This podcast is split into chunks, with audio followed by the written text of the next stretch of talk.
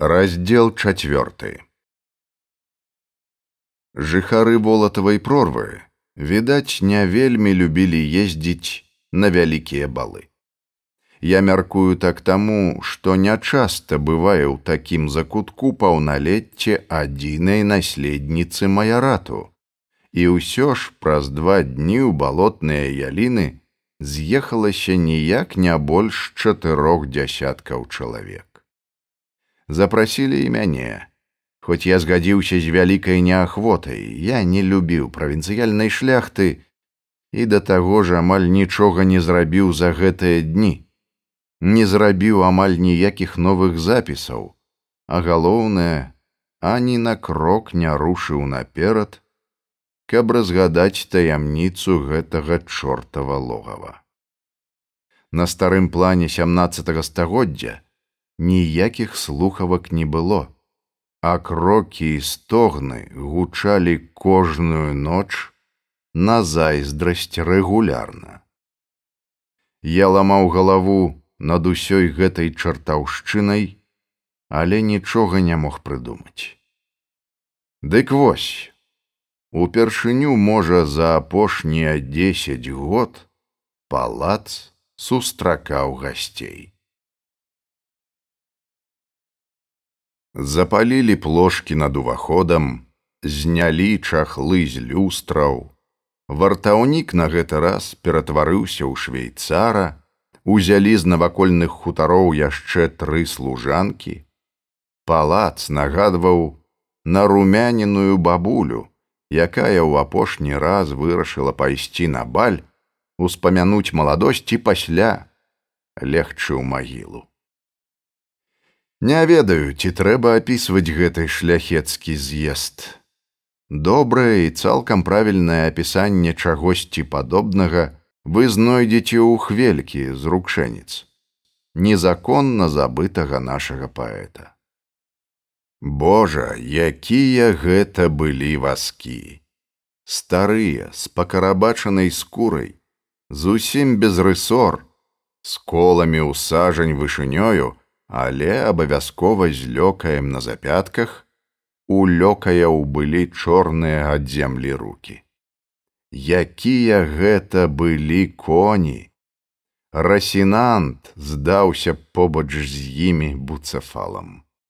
Хударлявыя, з ніжняй губой, адвіслай як чапяля, са з'едзенымі зубамі, вупра жамаль звяровак затое, там сям на ёй блішчаць залатыя бляшки, якія перакачавалі са збруі залатога веку. Што гэта робіцца на свеце, людзі добрыя. Калісьці адзін пан ехаў на шасці конях, а зараз шэсць паноў на адным кані увесь працэс панскага разарэння ў адной гэтай іранічнай народнай прымаўцы. Берман Гацевіч стаяў за маёй спіною і адпускаў іранічна далікатныя заўвагі наконт тых, хто прыбываў. Гляньце, якая свірэпа, свірэпаю ў беларускай мове 16 стагоддзя называлі клячу. На ёй, напэўна, хтосьці з саса ўездзіў, заслужаны баявы конь. А гэта паненка бачыце, як апранулася, проста як фэст на святога Антонія. А вось бачыце, цыганы. Цыганамі ён назваў сапраўды дзіўную кампанію.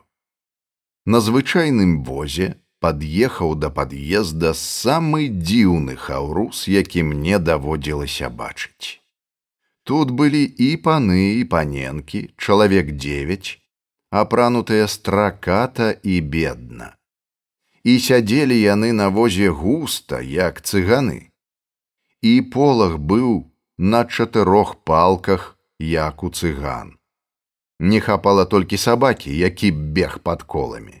Гэта быў заняпалы род грыцкевічавых, якія качавалі з аднаго балю на другі і так галоўным чынам харчаваліся. Яны былі дальнімі сваякамі яноўскіх. І гэта былі нашчадкі барвянага ўладара. Божа, за што караеш?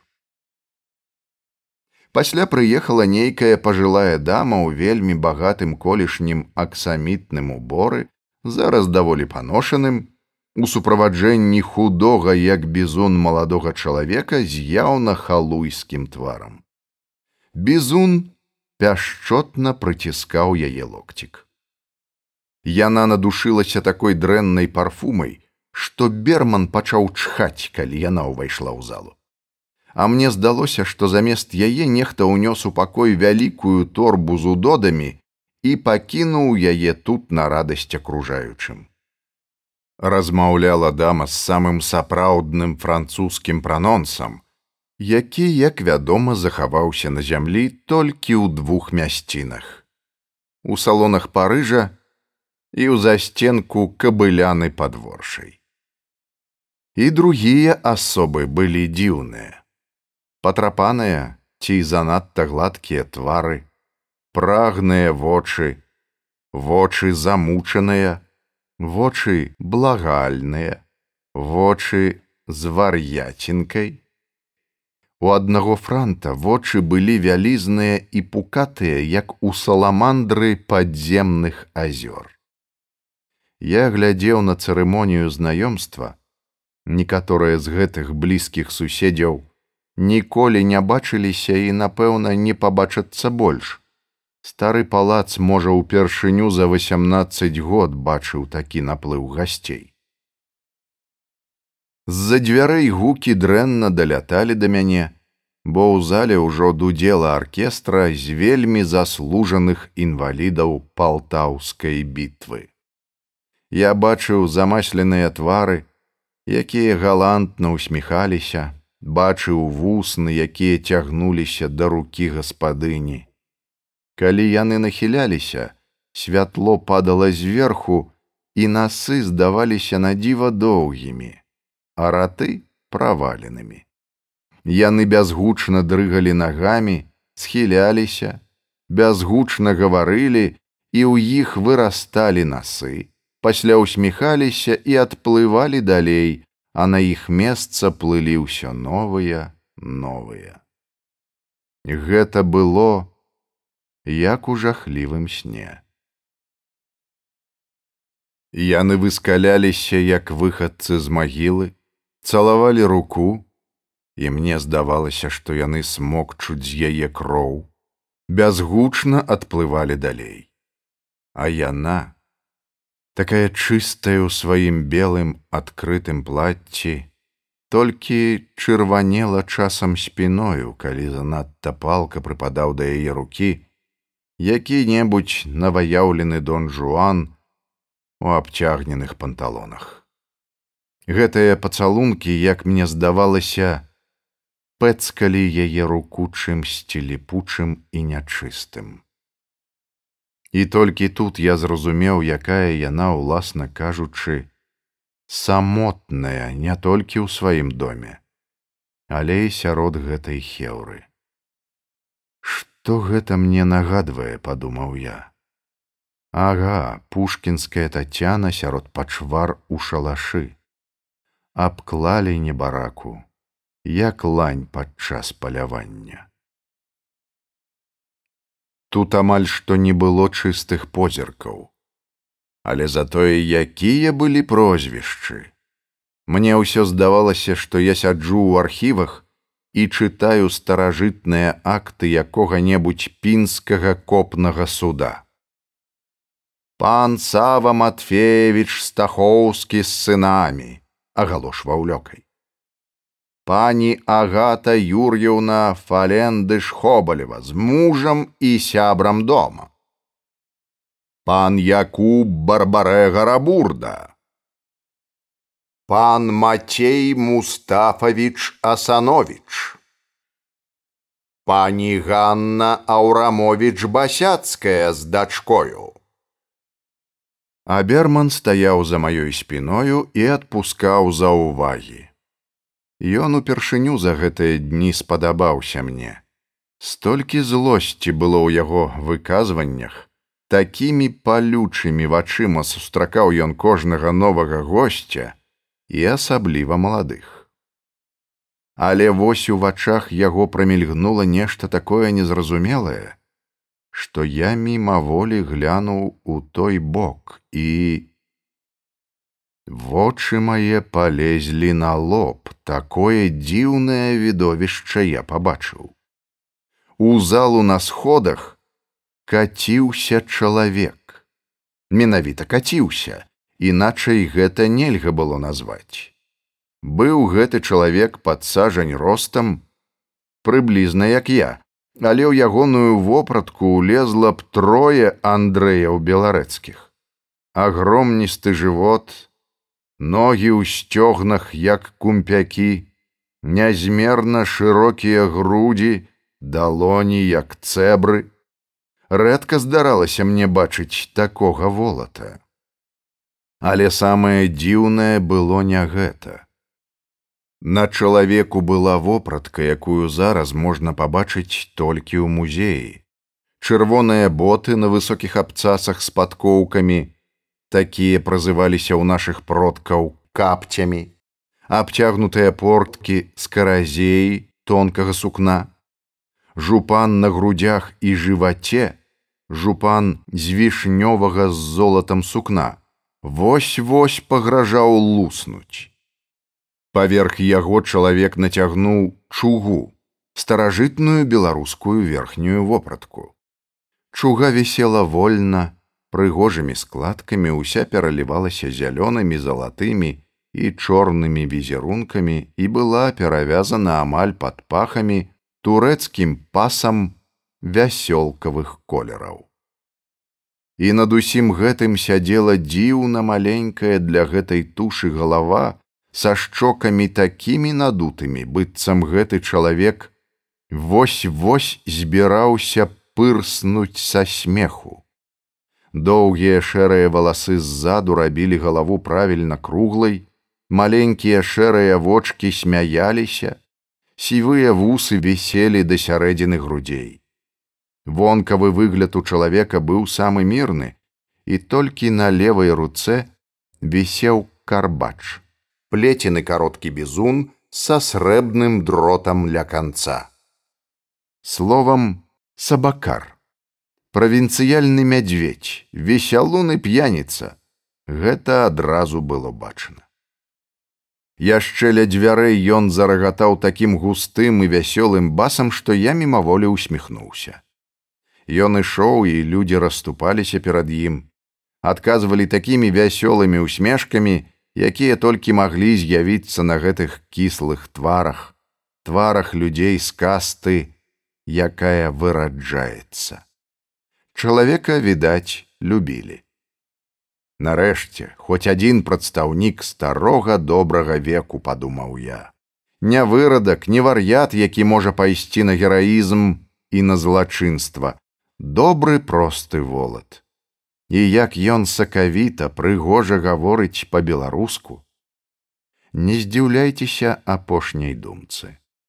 Хоць сярод дробнай шляхты тады размаўлялі па-беларуску, шляхта таго парадку, да якога відаць належаў гэты пан, мовы не ведала.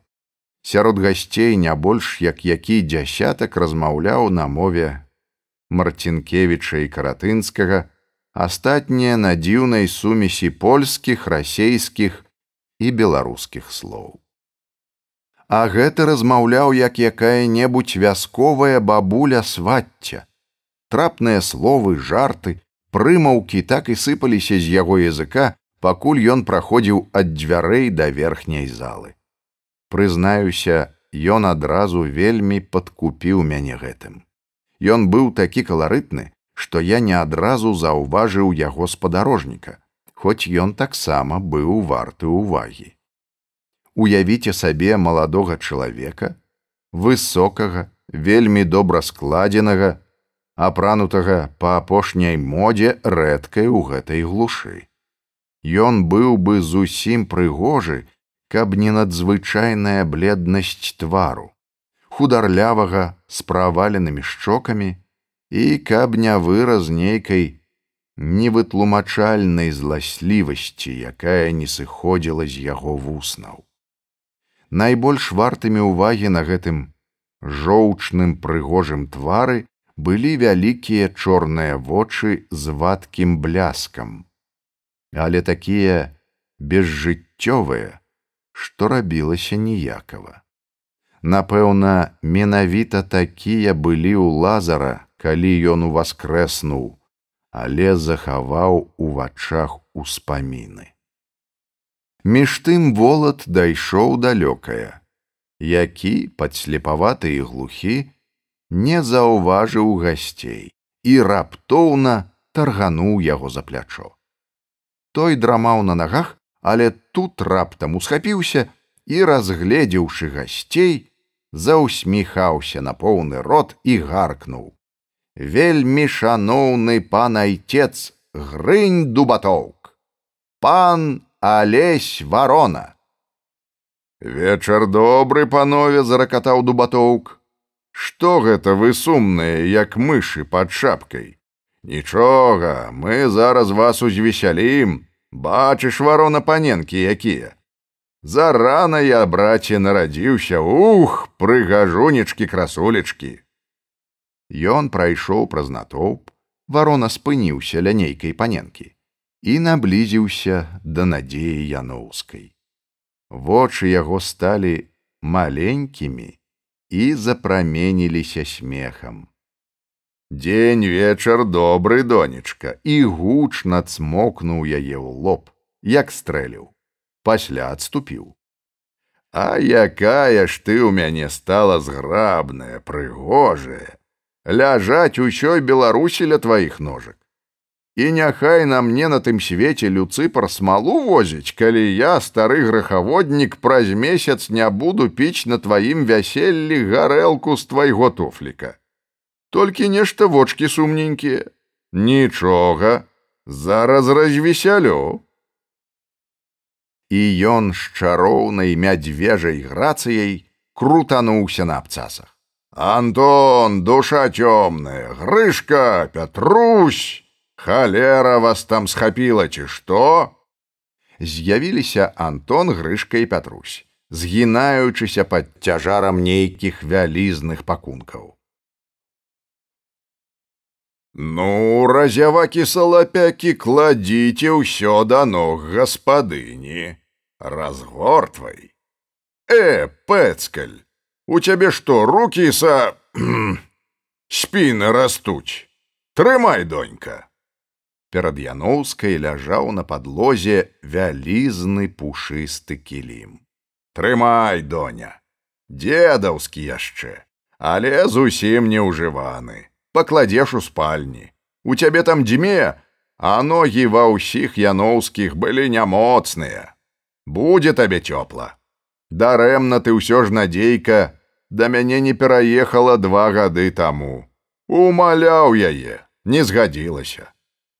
Ну добра, зараз позна ўжо, вялікае стала. І мне лягчэй будзе, хай яго да д'ябла гэтае апякунства. Прабачце, дядзечка, ціха сказала Яноўская, кранутая ўвагай апекуна. Вы ведаеце, я хотела быць тут, дзе бацька бацька. Ну, ну, ну, няўмела сказаў дубатоўк. Пакінь. Я і сам да цябе амаль не ездзіў, ведаў, што будзеш хвалявацца. Сябры мы былі з раманам. Нічога, донька. Мы, вядома, людзі зямныя, хварэем на абжорства, п'яныя, але ж Бог павінен разбірацца ў душах. А калі ён разбіраецца, дык раман, хоць мінаў часцей царкву, а не карчму. Даўно ўжо на небе анёлаў слухае, ды глядзіць у вочы сваёй небарацы жонцы, а маёй стрыечнай сястры. Бог ён таксама не дурань. Галоўнае сумленне. А дзірка ў роце, куды чарка просіцца, апошняя справа і глядзяць яны з неба на цябе і не шкадуе маці што смерцю сваёй дала табе жыццё бач якая ты каралеўна стала. Хутка і замуж? З рук апекуна на ласкавыя ды моцныя руки мужа? Думаеш? Раней не думала цяпер не ведаю раптам сказала пані яноўская. Ну ну пасур'ёзніў дубаток але абы чалавек добры не спяшайся вельмі а зараз трымай яшчэ Вось тут стары наш убор, сапраўдны, не якая-небудзь падробка. Пасля пойдзеш, перапранесся перад танцамі.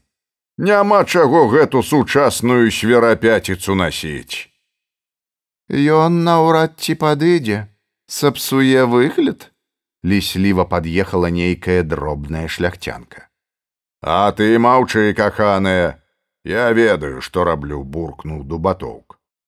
Ну, надзейка, і нарэшце вось яшчэ апошняе. Доўга я думаў, ці падараваць гэта, але карыстацца чужым добром не прывык. Гэта тваё. А сярод гэтых тваіх партрэтаў няма аднаго не павінен шэраг продкаў перарывацца. Ты сама ведаеш, бо ты старажытнейшага амаль ва ўсёй губерні роду. На падлозе, вызвалены ад лёгкай белай ткані, стаяў вельмі стары партрэт, такой незвычайнай, відаць, італьянскай работы, якой амаль не знойдзеш у беларускай іканаграфіі пачатку 17 стагоддзя. Не было пляскатай сцяны за спіною, не вісеў на ёй герб. Было акно, адчыненае на вячэрнія балоты, быў змрочны дзень над імі і быў мужчына, які сядзеў спіною да ўсяго гэтага няпэўнае блакітна-шэрае святло лілося на яго хударлявы твар, на моцна сплечаныя пальцы рук, на чорную з золатам вопратку. І твар гэтага мужчыны быў жывейшы ніжу жывога. І такі дзіўны, жорсткі і змрочны, што можна было спалохацца цені ляглі ў вачаніцах і здавалася нават жылка калацілася на павеках і ў ім было радавое падабенства з тварам гаспадыні але ўсё тое што было ў яноўскай прыемнай люба тут было агідна. Вераломства. Розум хварабітая вар'яцінка чыталіся ў гэтым ганарлівым роце. Уладнасць да закасцянеласці, непамяркоўнасць да фанатызму, жорсткасць да садызму. Я зрабіў два крокі ў бок. Вялізныя ўсё да дна разумеючыя ў тваёй душы вочы, пасунуліся за мною і зноў глядзелі мне ў твар. Нехта ўздыхнуў. Раман стары, прыглушана адказаў дубатоўк, але я сам зразумеў ужо, хто гэта такі. Так правільна я яго ўявіў па словах легенды.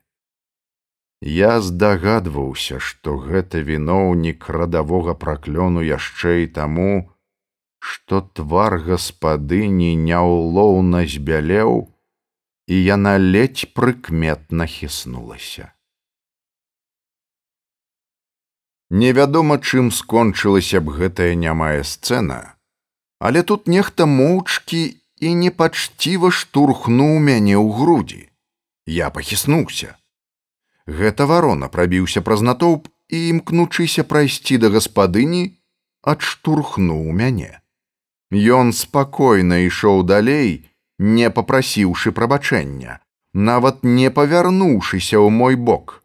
Быццам на маім месцы стаяў нежывы прадмет.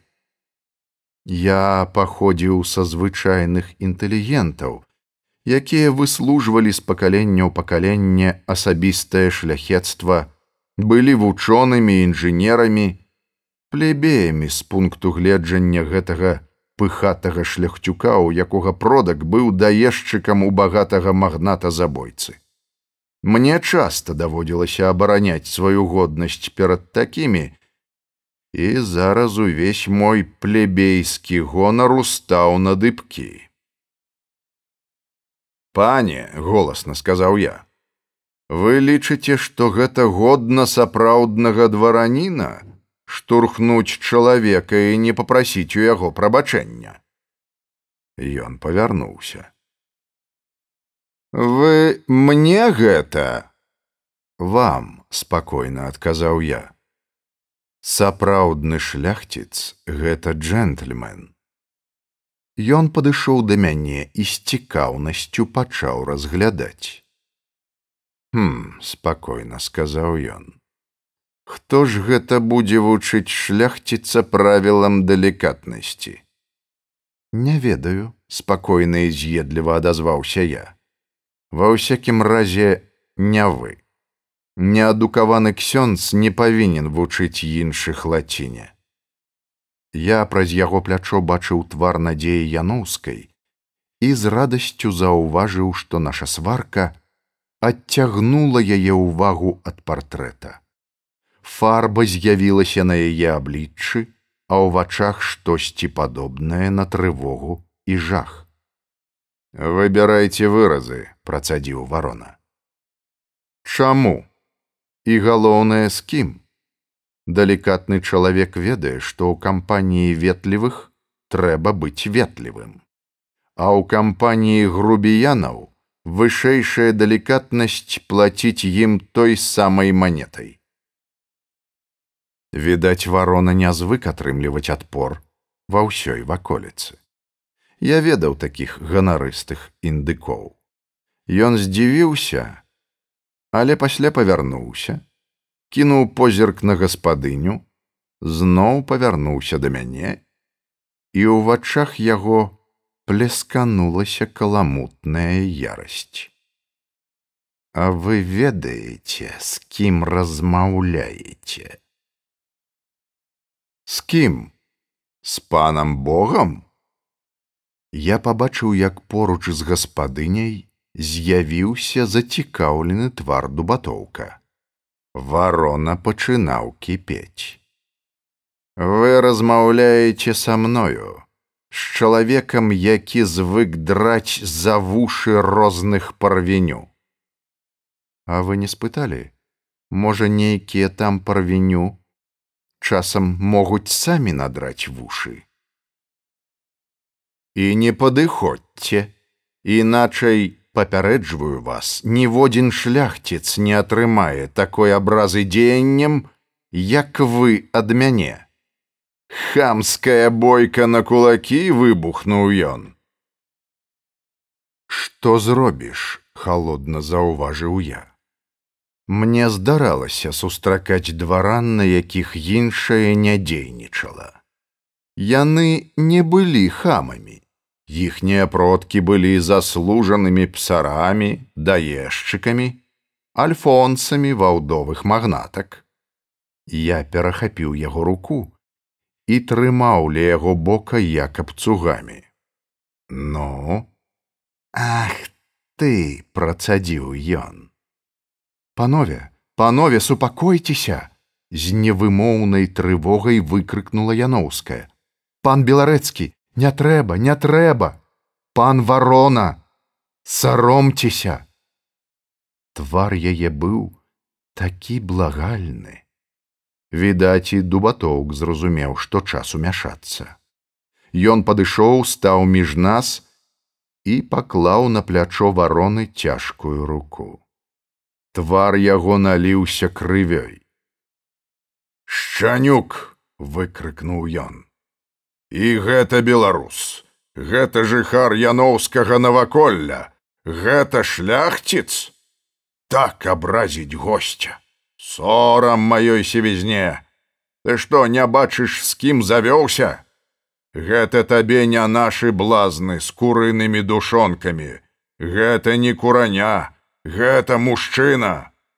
І ён табе хутка абарве вусы. Вы дваранін, судар. Дваранін. Ну, вось бачыш, пан шляхціц. Калі табе трэба будзе з ім паразмаўляць, вы знойдзеце агульную мову. Гэта шляхціц і добры шляхціц. Хоць бы продкам у сябры, не раўня сучасным смаркачам. Прасі прабачэння ў гаспадыні. Чуеш? Варону як падмянілі. Ён прамармытаў нейкія словы і адышоў з дубатоўкам у бок. Я застаўся з гаспадыняй. Божа мой, пане Андрэй, я так спалохалася за вас.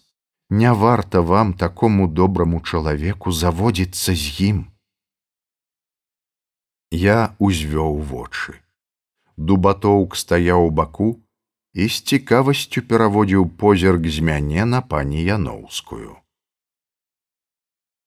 Надзея Раманаўна, з нечаканай цеплынёю сказаў я. Я вельмі вам удзячны. Вы вельмі добры і шчыры чалавек і вашу турботу за мяне.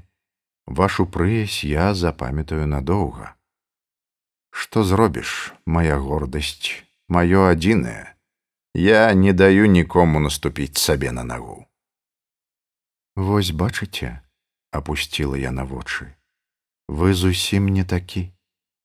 Многія з гэтых радавітых людзей паступіліся б. Відаць, сапраўдны шляхціц тут вы, а яны толькі прыкідваюцца. Але запамятайце, Я вельмі баюся за вас. Гэта небяспечны чалавек. Чалавек з жахлівай рэпутацыяй.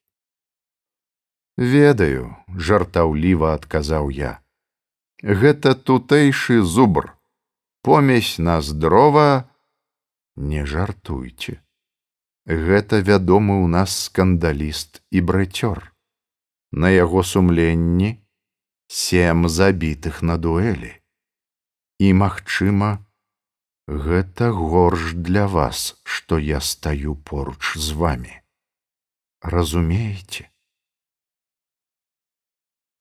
Мне зусім не падабаўся гэты маленькі гномік жаночага полу з вялікімі сумнымі вачыма. Я не цікавіўся, якія адносіны існавалі паміж ім і варонай быў варонаўздыхальнікам або адрынутым паклоннікам, але за дабро плацяць уважлівасцю.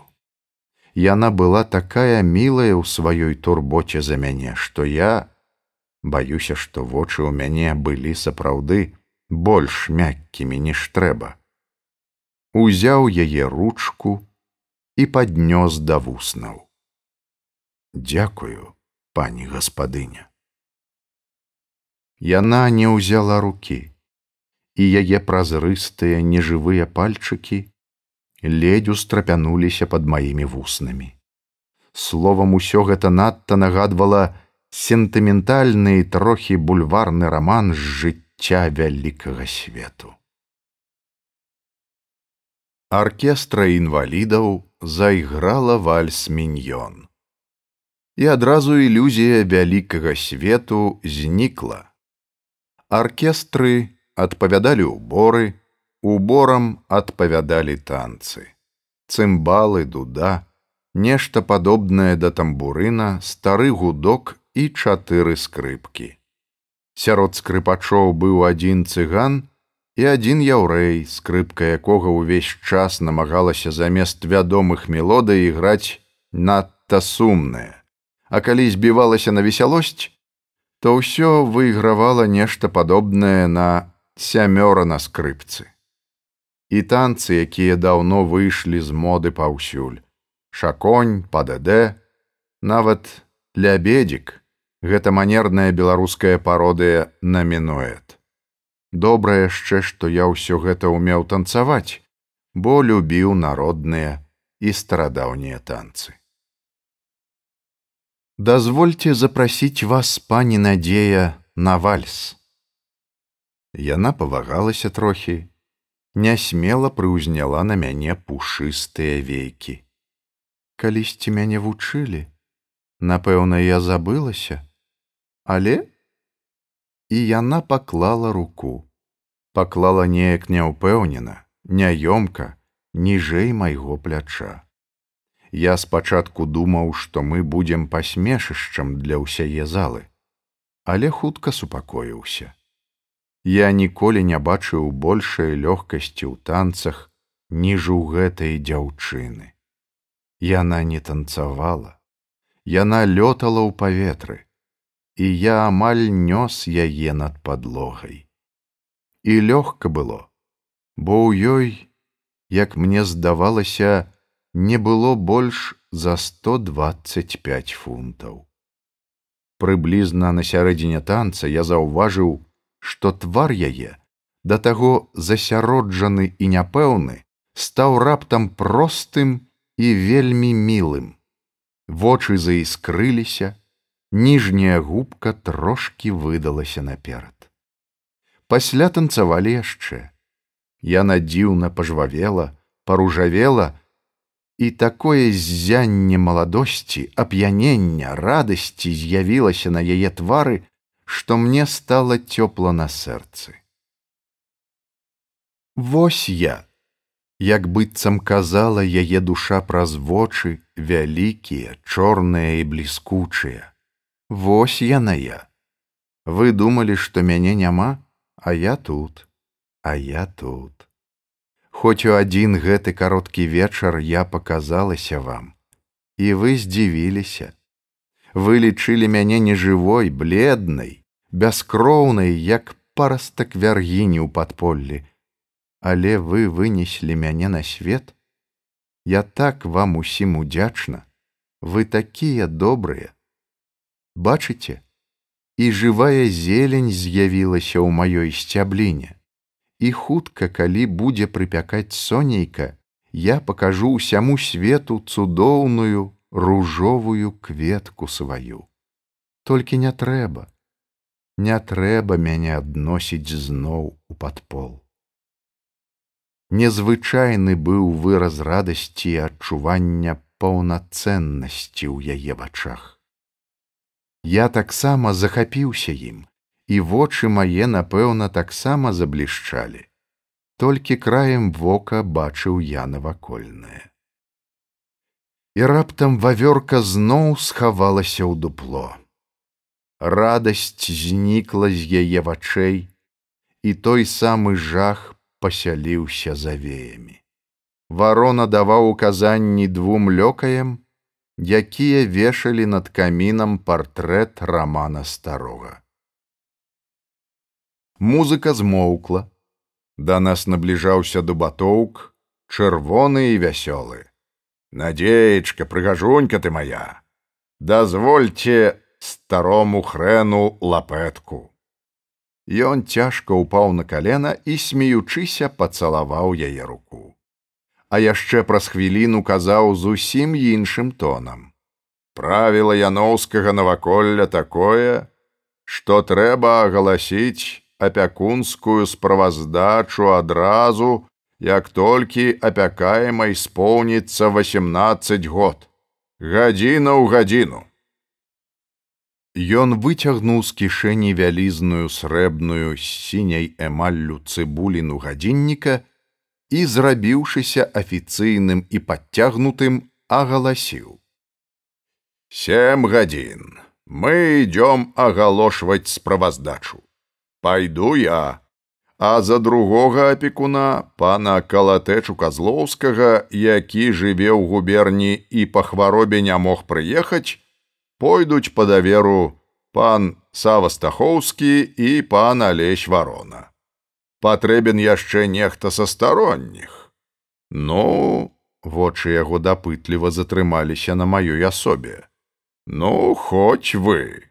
Вы яшчэ чалавек малады, жыць будзеце доўга і зможаце потым засведчыць, што ўсё тут рабілася шчыра, па старых звычаях і сумленню чалавечаму.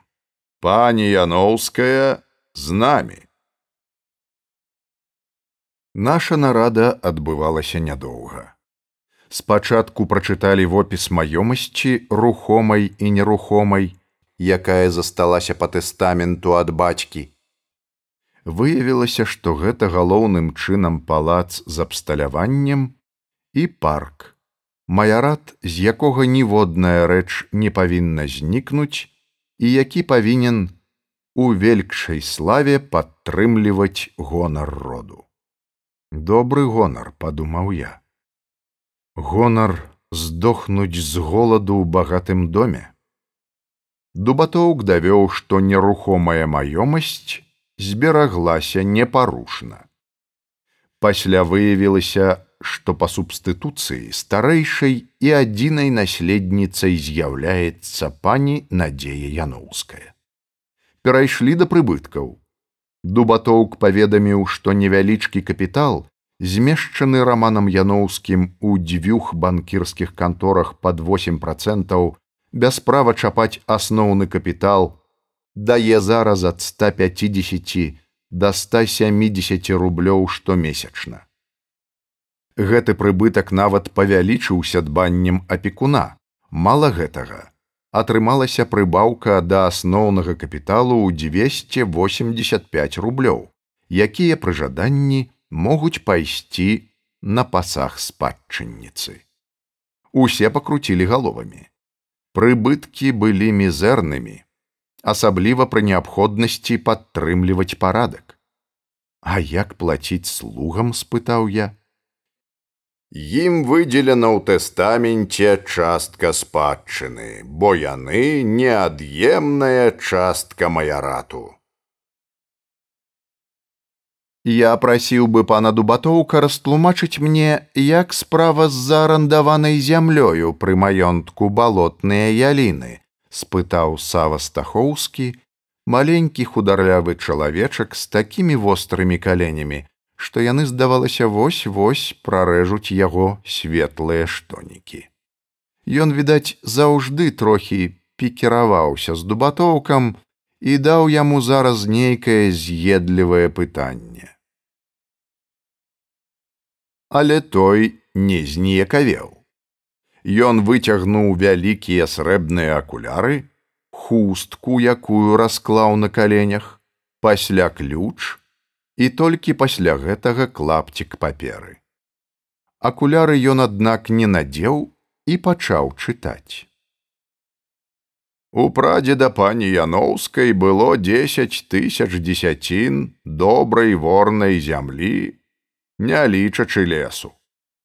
У пані Яноўскай, як гэта вам напэўна вядома, шаноўны пан стахоўскі, 50 дзесяцін ворнай зямлі, значна спустошанай. У яе таксама ёсць парк, які не дае ні шэліга. І пушча, якая практычна таксама маярат, бо гэта запаветны лес. Скажам прама, мы маглі б паступіцца гэтым правілам. Але, па-першае, доступ у гэту пушчу для дрывасекаў немагчымы па прычыне навакольнай дрыгвы. А па-другое, ці разумна гэта? У яноўскай могуць быць дзеці. Што рабіць ім на 50 дзесяцінах беднай зямлі? Тады род зусім занепадзе. Вядома, пані зараз дарослая, яна сама можа, Я згодна з вами дядька, саромеючыся да слёз сказала Надзея Рамановна. Няхай пушча стаіць. Я рада, што да яе толькі сцежкі і то ў сухмень. Шкода зводзіць такі лес. Пушчы, гэта Божыя сады.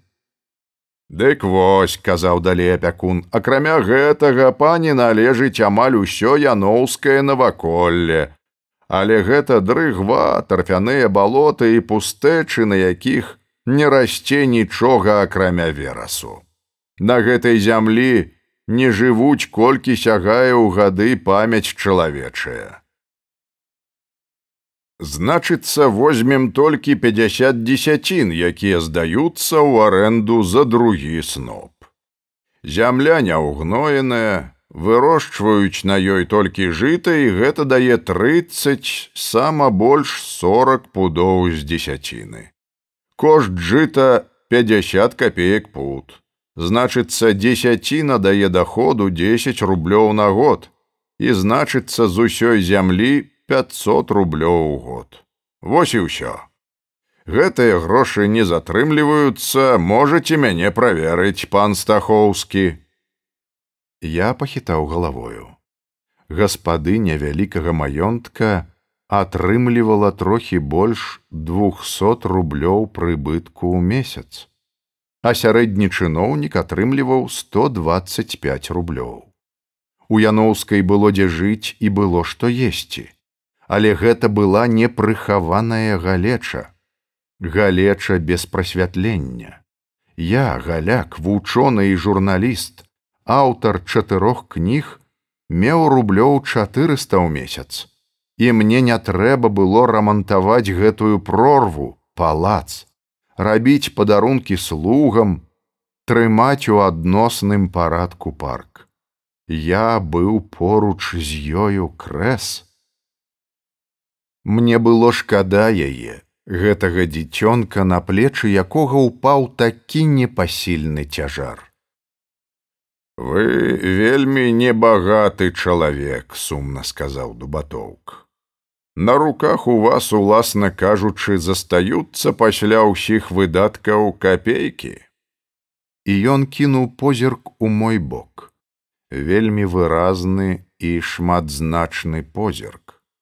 Але мой твар не выразіў нічога. Ды і сапраўды, якое гэта мела дачыненне да мяне. Дакументы перадалі новай гаспадыні. Дубатоўк абяцаў даць загады берману, пасля пацалаваў яноўскую лоб і выйшаў. Мы ўсе таксама выйшлі ў залу, дзе публіка паспела ўжо замарыцца ад танцаў. Дубатоўк адразу зноў выклікаў выбух запалу, уздыму і весялосці. Я не ўмеў скакаць нейкага мясцовага танцу, і таму яноўскую адразу памчаў варона. Пасля яна кудысьці знікла. Я глядзеў на танцы, калі раптам адчуў нечы позірк. Непадалёк ад мяне стаяў танклявы, але відаць моцны малады чалавек, белавалосы, з вельмі прыемным і шчырым тварам, апрануты сціпла, але з падкрэсленай акуратнасцю. Я не бачыў, адкуль ён з'явіўся, але ён адразу спадабаўся мне. Спадабалася нават мяккая аскетычнасцю прыгожым вялікім роце і разумных карых вачах. Я усміхнуўся яму, і ён, як быццам толькі і чакаў гэтага, падышоў да мяне вялікімі і плаўнымі крокамі, працягнуў мне руку. Прабачце, я без цырымоній. Андрей Свецілович. Даўно жадаў пазнаёміцца з вами. Я студэнт, былы студэнт кіеўскага універсітэта. Зараз мяне выключылі за ўдзел у студэнцкіх хваляваннях. Я таксама адрэкамендаваўся. Ён усміхнуўся шырокай белазубай усмешкаю, такой яснай і добрай, што твар адразу зрабіўся гожым. Я ведаю, я чытаў вашы зборнікі. Не палічыце за камплімент, я наогул не аматар гэтага, але вы мне сталі пасля іх вельмі сімпатычным. Вы займаецеся такой карыснай і патрэбнай справай і добра разумееце свае задачы. Я мяркую па вашых прадмовах. Мы разгаварыліся і разам адышлі да акна ў дальнім кутку залы. Я спытаў, як ён трапіў да балотных ялін. Ён засмяяўся. Я далёкі сваяк надзеі раманаўны, вельмі далёкі. Уласна кажучы, ад усяго кораня яноўскіх зараз засталіся на зямлі толькі яна ды я па жаночай лініі. Здаецца, такая сякая кропля крыві гэтых былых дайноўскіх князькоў цячэ яшчэ і ў жылах гарабурды. Але яго сваяцтва, як і сваяцтва Грыцкевічавых не даказаў бы ніводны знаўца геральдыкі. Гэта проста радавое паданне, а сапраўднае яноўскае толькі адна яна. Твар яго памякчэў, стаў задумлівым. І наогул, усё гэта глупства. Усе гэтыя геральдычныя казусы князькі, магнацкія маяраты. Каб была моя воля, я б выпусціў з жылаў магнацкую сваю кроў. Гэта толькі прычына для вялікіх пакут сумлення. Мне здаецца, гэта і ў надзеі раманаўны так. А мне сказалі, што надзея раманаўна адзіная з яноўскіх. Вядома, так. Я вельмі далёкі сваяк. І да таго ж мяне лічылі памёршым. Я не наведваўся ў балотныя яліны пяць год, а зараз мне 23. Бацька адаслаў мяне адсюль, бо я ў 18 год паміраў ад кахання да 13гадовай дзяўчыны. Уласна кажучы, гэта нічога, варта было пачакаць два гады. Але бацька верыў у старажытную сілу праклёну. Ну і як? Дапамагла вам высылка, спытаў я. А не на шэлях. Мала таго, дзвюх сустрэч было дастаткова, каб я адчуў, што старое абажанне перарасло ў каханне. І як глядзіць на гэта надзея раманаўна? Ён пачырванеў так, што ў яго нават слёзы навярнуліся на вочы. О, вы здагадаліся. Я вельмі прашу вас маўчаць пра гэта. Справа ў тым, што я не ведаю яшчэ. Ды гэта не так важліва, паверце, паверце мне, мне гэта неважліва. Мне проста добра з ёю. І нават калі яна будзе раўнадушнай да мяне, мне паверце, будзе таксама шчасна і хораша жыць на зямлі. Яна ж будзе існаваць на ёй таксама. Яна незвычайны чалавек. Вакол яе такое бруднае свінства, непрыхаванае рабства, а яна такая чыстая і добрая. Я усміхнуўся ад раптоўнага замілавання да гэтага хлапчука з добрым і ясным тварам, а ён, відаць, палічыў смешку за кпін. Ну вось, вы усміхаецеся таксама, як нябожчык бацька, як дядька дубатоўк, сорамна вам. Я і не думаю смяяцца, пан Андрэй. Мне проста добра чуць ад вас такія словы. Вы чысты і хорошы чалавек, толькі не трэба вам камусьці яшчэ казаць пра гэта. Вось вы тут вымавілі імя дубатоўка. Дякуй вам за добрае слово. Але няўжо вы думалі, што я камусьці казаў пра гэта, што я такі нягоднік. Вы ж здагадаліся. І дядька дубатоўк таксама чамусьці здагадаўся. Добра, што здагадаўся дубатоўк, а не алесь варона, сказаў я. Іначай справа скончылася б дрэнна для кагосьці з вас. Дубатоўк гэта нічога. Ён апякун, яму цікава, каб надзея раманаўна знайшла добрага мужа, і ён мне здаецца добры чалавек. Нікому не скажа, як і я. Але вам трэба наогул маўчаць пра гэта. Гэта праўда, вінавата сказаў ён. Я і не падумаў, што нават маленькі намёк шкодны для гаспадыні. І праўда ваша, які добры, шчыры чалавек дубатоўк, сапраўдны стары пан рубака, просты і патрыярхальны, і такі шчыры, такі вясёлы, і так ён любіць людзей і нікому не перашкаджае жыць, а мова ягоная. Я як пачуў, дык мяне быццам па сэрцы цёплай рукой нехта гладзіць. Ах які добры добры чалавек! Нават вочы яго ўвільготніліся. Так ён любіў дубатоўка. І я таксама быў шмат у чым з ім згодзін.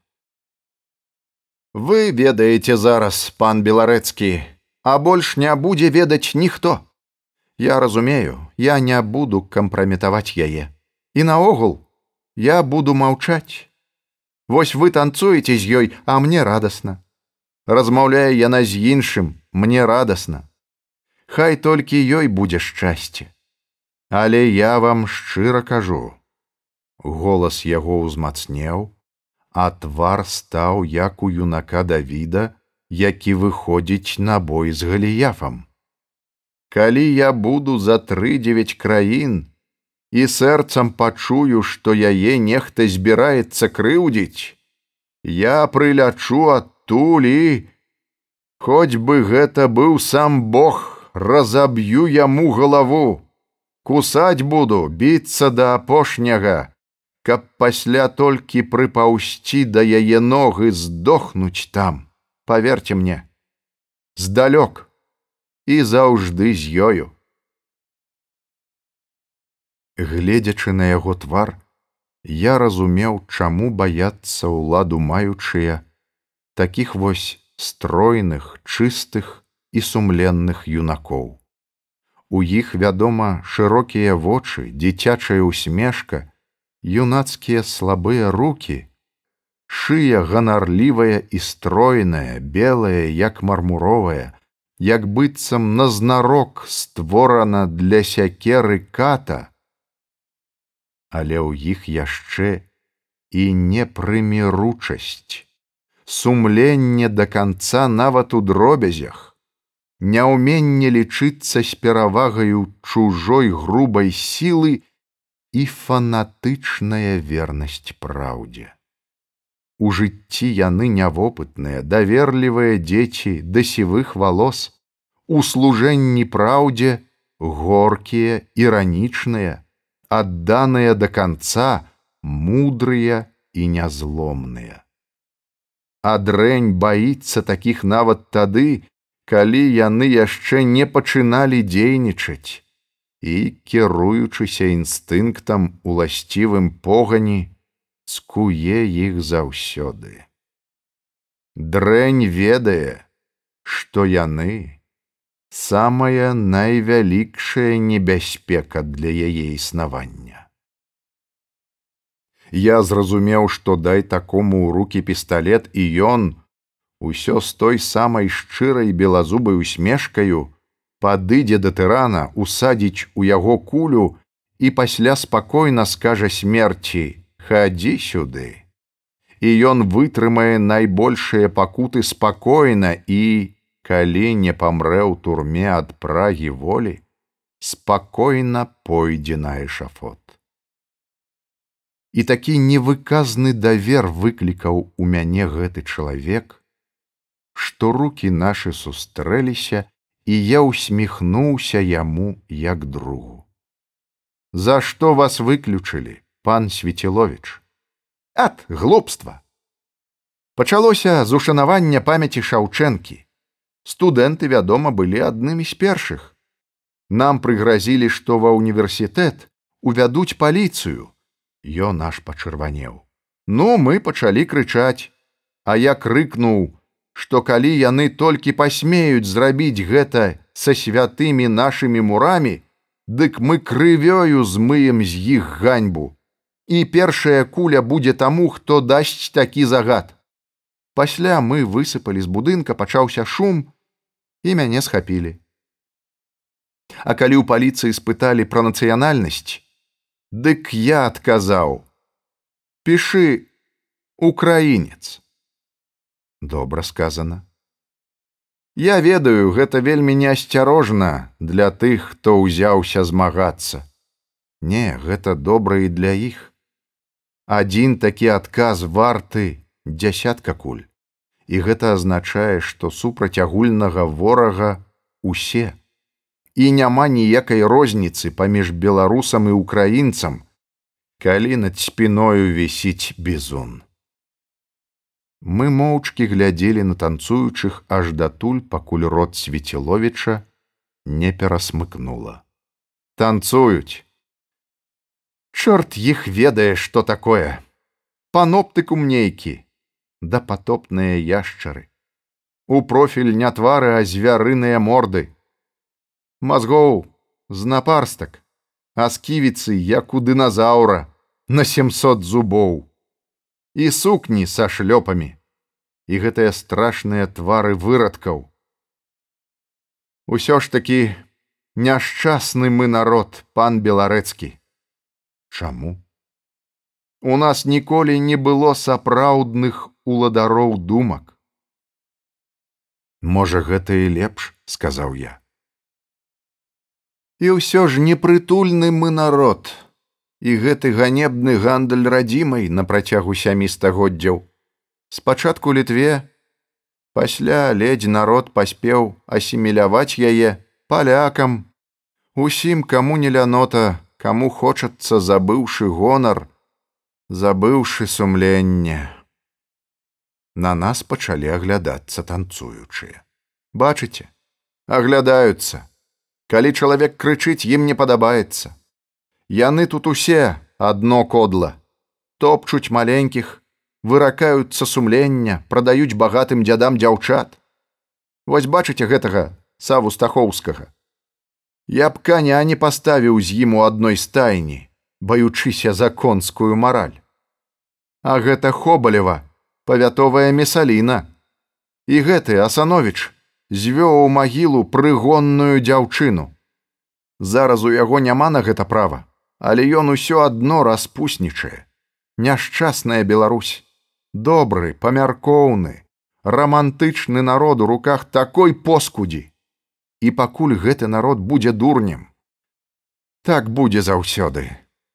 Аддае чужынцам лепшых сваіх сыноў, лепшых паэтаў, дзетак сваіх наракае чужынцамі, прарокаў сваіх, быццам вельмі багаты, а сваіх герояў аддае на прэнг, а сам сядзіць у клетцы над міскай з бульбай ды бручкай і лыпае вачыма. Дорага б я даў таму чалавеку, які скіне нарэшце з шыі народа усіх гэтых гнілых шляхцюкоў, тупых хома новусаў, пыхатых выскачак, продажных журналістаў і зробіць яго гаспадаром уласнага лёсу.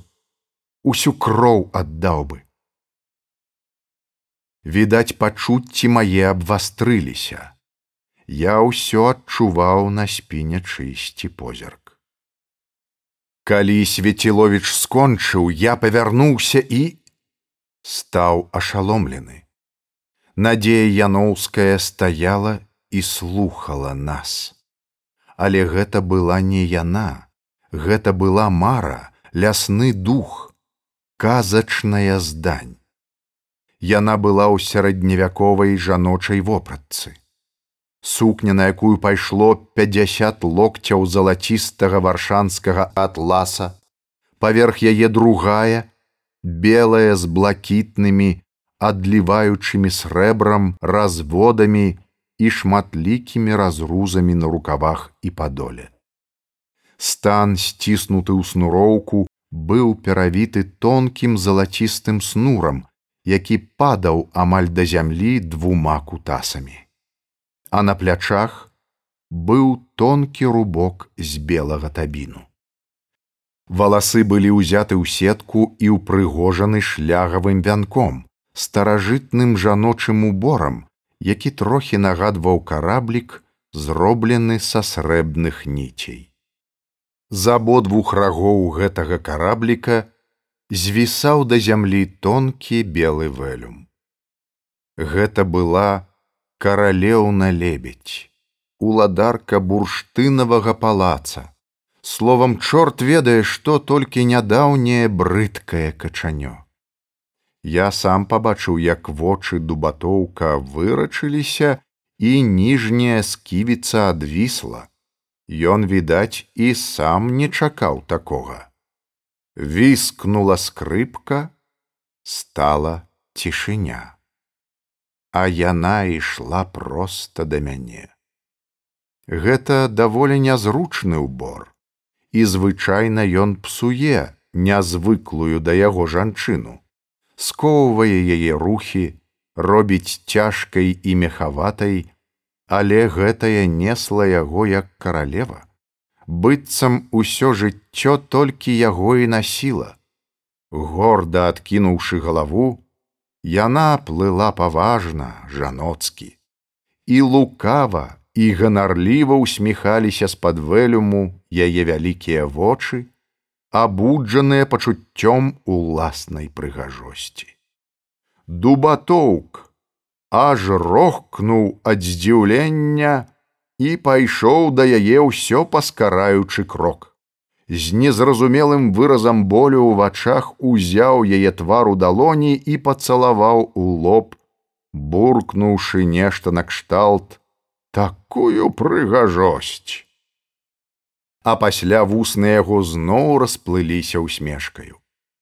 Каралева, прыгажуня моя, дачакаліся святыя балеснічкі, Яноўская, Яноўская да мезенца, дазволь донечка ножку.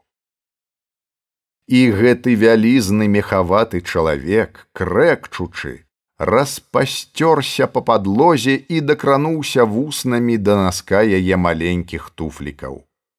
Пасля ўзняўся і зарагатаў. Ну доня трэба табе з такім капіталам сядзець ці хутка як мыш а то яшчэ ўкрадуць і раптам падміргнуў А што, каб нам старыною трахнуць, Як ты яшчэ дзяўчынкай са мною скакала.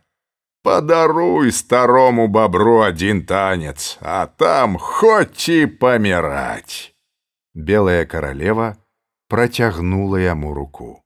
Гэй, лябедзікі! — крыкнуў інвалідам дубатоўк. Давайте спачатку нашага ветрыку кругі з два а потым з майго месца ведаеце якое? Пераходзьце на мазура. І сакрэтна звярнуўся да мяне. Усім добрыя нашы танцы але такога агнявога як польскі мазур няма. Лявоніха толькі яна і магла б паспрачацца. Але для яе трэба некалькі пар. А гэтыя бабздыры слінцяйчыкі хіба могуць Тут трэба балетнымі нагамі валодаць. Вось як у мяне і зарагатаў. А я з жахам глядзеў на яго ногі шынкі і думаў, што ён зробіць з добрага танца. Між тым усе адышлі ў бок, расчысцілі месца. Я чуў галасы: сам, сам будзе скакаць. Я не пайшоў ад гэтай прафанацыі далей толькі таму, што жадаў паглядзець на забыты танец, пра які я толькі аднойчы чуў і які, як кажуць, быў вельмі распаўсюджаны год 80 таму. Вялізная туша дубатоўка выпрасталася, ён хмыкнуў, і ўзяў яноўскую шчопанню зверху за яе празрыстую кісць левой руки. З першымі ж тактамі ветрыку ён стукнуў абцасамі і пайшоў трайным крокам, то з правай, то з левой нагі. І яго туша рухалася нечакана лёгка, спачатку прыстукваючы абцасамі пасля кожных трох крокаў, а пасля просто так на цыпках. А поруч з ім плыла яна, просто плыла ў паветры, залацістая, белая, блакітная, як райская птушка, і вэлюм яе віўся ў паветры. Пасля яны круціліся, плылі то збліжаючыся, то аддаляючыся, то перасякаючы адзін аднаму шлях. Не, гэта не была прафанацыя. Як не з'яўляецца прафанацыяй танец старога нацяжэлага танцора, які быў калісьці вялікім майстрам. Гэта быў сапраўды ветрык, які паступова пераходзіў у буру. І вось ужо толькі круціўся ў паветры вэлюм, мільгацелі ногі, і раптам музыкі раўнулі мазура. Гэта быў не цалкам мазур, гэта была нейкая спрадвечная мясцовая варыяцыя на яго тэму, якая ўключала ў сябе элементы таго самага ветрыку. І тут туша памчалася наперад, загрукала абцасамі, пакацячы мякка пачала заносіцца ў паветра, стукаючы ў ім нагой аб нагу а поруч плыла яна, лёгкая, усмешлівая, вялікасная. Гэта было сапраўднае дзіва. нябачаны цуд. Два чалавекі ў старажытных вопратках стваралі перад намі гэтую казку. Зрабіўшы круг, дубатоўк падвёў яноўскую да мяне. Ён быў чырвоны як рак. Замарыла я на мяне. Вы, дядзечка, як малады, малады, малады, не, няма чаго казаць, з'ездзіўся конь. Пашлюць мяне хутка да абрама па піва. Вам маладыя жыць, вам песні спяваць, скокі скакаць. Скачы, хлопча. Зноў пачаліся танцы. Свецеловіч танцаваць не любіў. Варона дзьмуўся і таксама не падыходзіў і мне давялося танцаваць з ёю да самай вячэры. І як яна танцавала. Я мімаволі заглядзеўся на гэты дзіцячы твар, які раптам стаў такім жвавым і прыемна хітраватым. Мы танцавалі, і нам усё было мала, мы мчаліся па зале, плылі ў паветры, сцены круціліся вакол, і на іх нельга было нічога заўважыць. Напэўнае, яна адчувала тое самае, што я. А маё пачуццё можна параўнаць толькі з тымі снамі, якія часам бываюць у юнацтве. Табе сніцца, што ты танцуеш і нязначае шчасце ахапляе сэрца. Бачыў я толькі яе ружовы закінуты твар, галаву, якая злёгку пахіствалася ў такт музыцы пайшлі вячэраць. Калі я вёў яе ў сталовую, мне здалося, што я чую ў кутку залы нейкае шыпенне. Я глянуў туды ў змрок, пабачыў нечыя вочы, там сядзелі старыя панны і пайшоў далей. І выразна пачуў, адышоўшы, як сухі голас сказаў: « Весяліцца, як перад пагібеллю награшылі, прагнявілі Бога і яшчэ весяляцца. Кляты рот, нічога, хутка прыйдзе дзікае паляванне. Ач, бесцаромніца, цэлы вечар з гэтым чужынцам, з бязбожнікам. Сябра сабе знайшла. Нічога, пабажуся, што і на яе кароль хвастах паўстане. Пачынаюцца цёмныя ночы. Гэтыя халодныя словы напоўнілі мяне трывогай. Сапраўды я паеду і, магчыма, пазбаўлю гэту дзяўчыну магчымасці выйсці замуж. Нашто я з ёю цэлы вечар? Што я раблю? Я ж зусім, зусім не кахаю яе, і ніколі не буду кахаць, бо ведаю сваё сэрца. І я цвёрда вырашыў не танцаваць больш з ёю і не сядзець поруч за сталом. І наогул трэба ехаць. Хопіць гэтай панска-шляхецкай ідыліі, хутчэй да простых людзей да працы. Я пасадзіў яе і стаў поруч, цвёрда намерваючыся спаймаць свецеловіча, і пасадзіць з ёю. Але ўсе мае намеры расплыліся дымам. Свецеловіч як увайшоў, так і сеў у канцы стала. А дубатоўк шчыльна сеў справа ад гаспадыні і буркнуў: « Што стаіш? Сядай, браце. І калі я сеў, дадаў: « Добры з цябе шляхціц бы атрымаўся год сто таму. Руки моцныя вочы сталёвыя. І сабою гожы толькі цікава мне ведаць ці сур'ёзны ты чалавек ці не шалыган ты часам. І я быў вымушаны сядзець поруч з гаспадыняй служыць ёй дакранацца рукою да яе рукі часам датыкацца каленам да яе калена.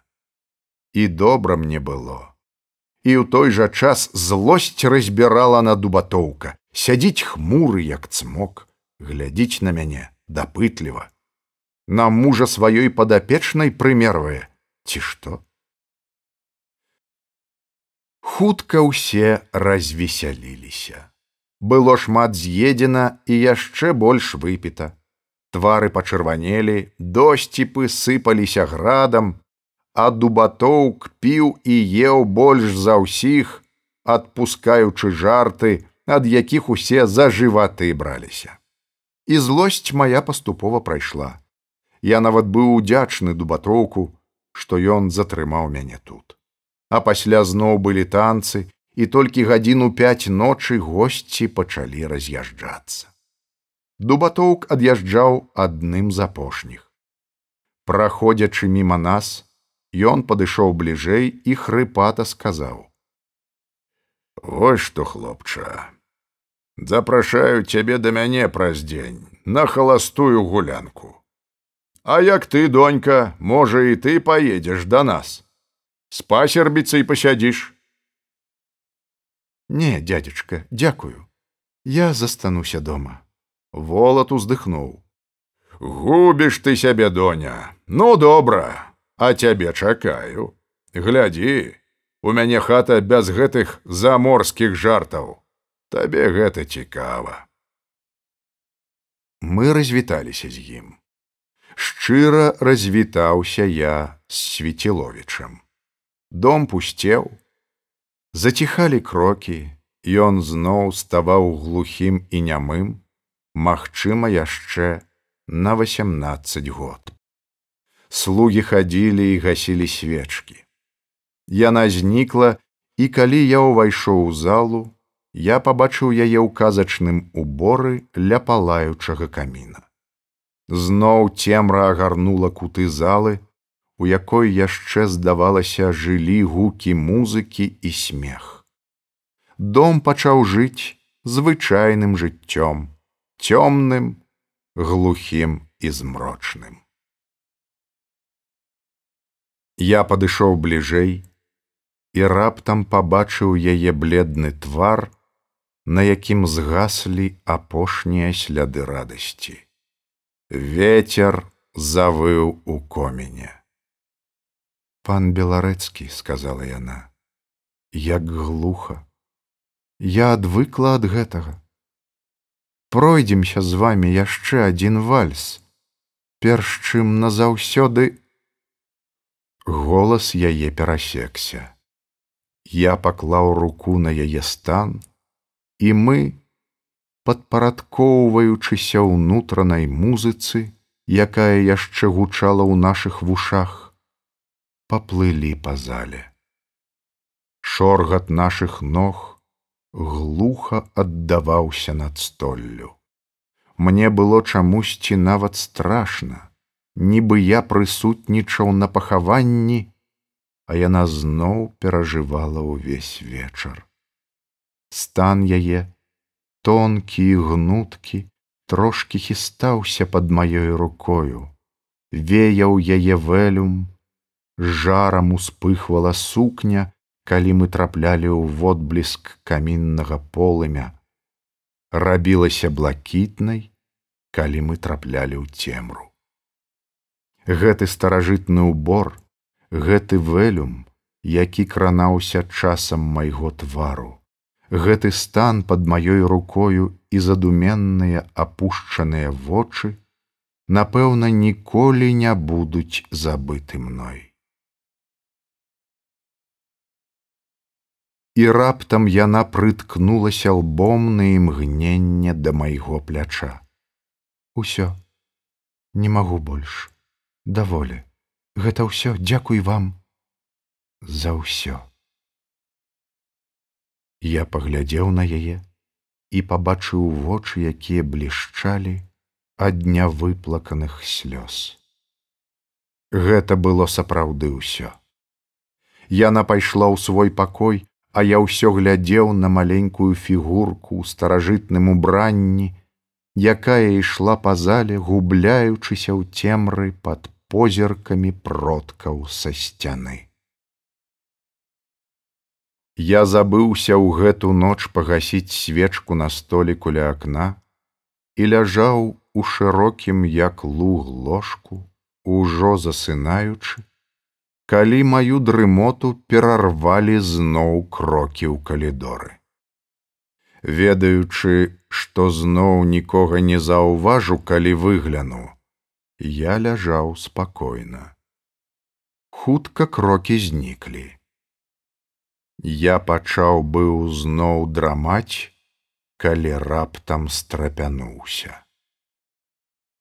Праз шыбу глядзеў на мяне, чалавечы твар.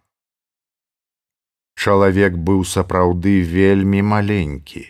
Я бачыў яго амаль па пояс. У каптане з шырокім каўняром. Гэта быў чалавек і ўсё ж не чалавечая істота.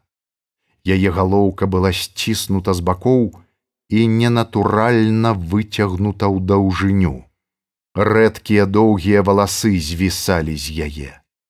Але самым дзіўным быў твар малога чалавека. Ён быў амаль такі зялёны, як вопратка. Рот вялікі і без вуснаў, нос маленькі, а ніжнія павекі былі непамерна вялікія, як у жабы. Я параўнаў яго з малпай, але хутчэй гэта быў твар сапраўднай жабы. І вочы, шырокія, цёмныя, глядзелі на мяне з тупой злосцю і яшчэ чымсьці незразумелым. Пасля з'явілася ненатуральна доўгая зеленаватая рука, істота глуха застагнала, і гэта абудзіла мяне ад здранцвення. Я кінуўся да акна і заўважыў, што малога чалавека няма. Ён знік. Я з трэскам адчыніў акно. Халоднае паветра лінула ў пакой. Высунуўшы галаву, я глядзеў на ўсе бакі, нікога. Ён як выпарыўся скокнуць уніз ён не мог. У гэтым месцы пад двума паверхамі быў яшчэ трэці. Дом стаяў часткова на схіле. Вокны справа і злева былі зачынены, Ды і карніз быў такі вузкі, што па ім не прабегла бы мыш. Я зачыніў акно і задумаўся, упершыню ўзяўшы пад сумненне свае разумовыя здольнасці што гэта было. Я не верыў ні ў Бога, ні ў здані, але жывым чалавекам гэтая істота быць не магла.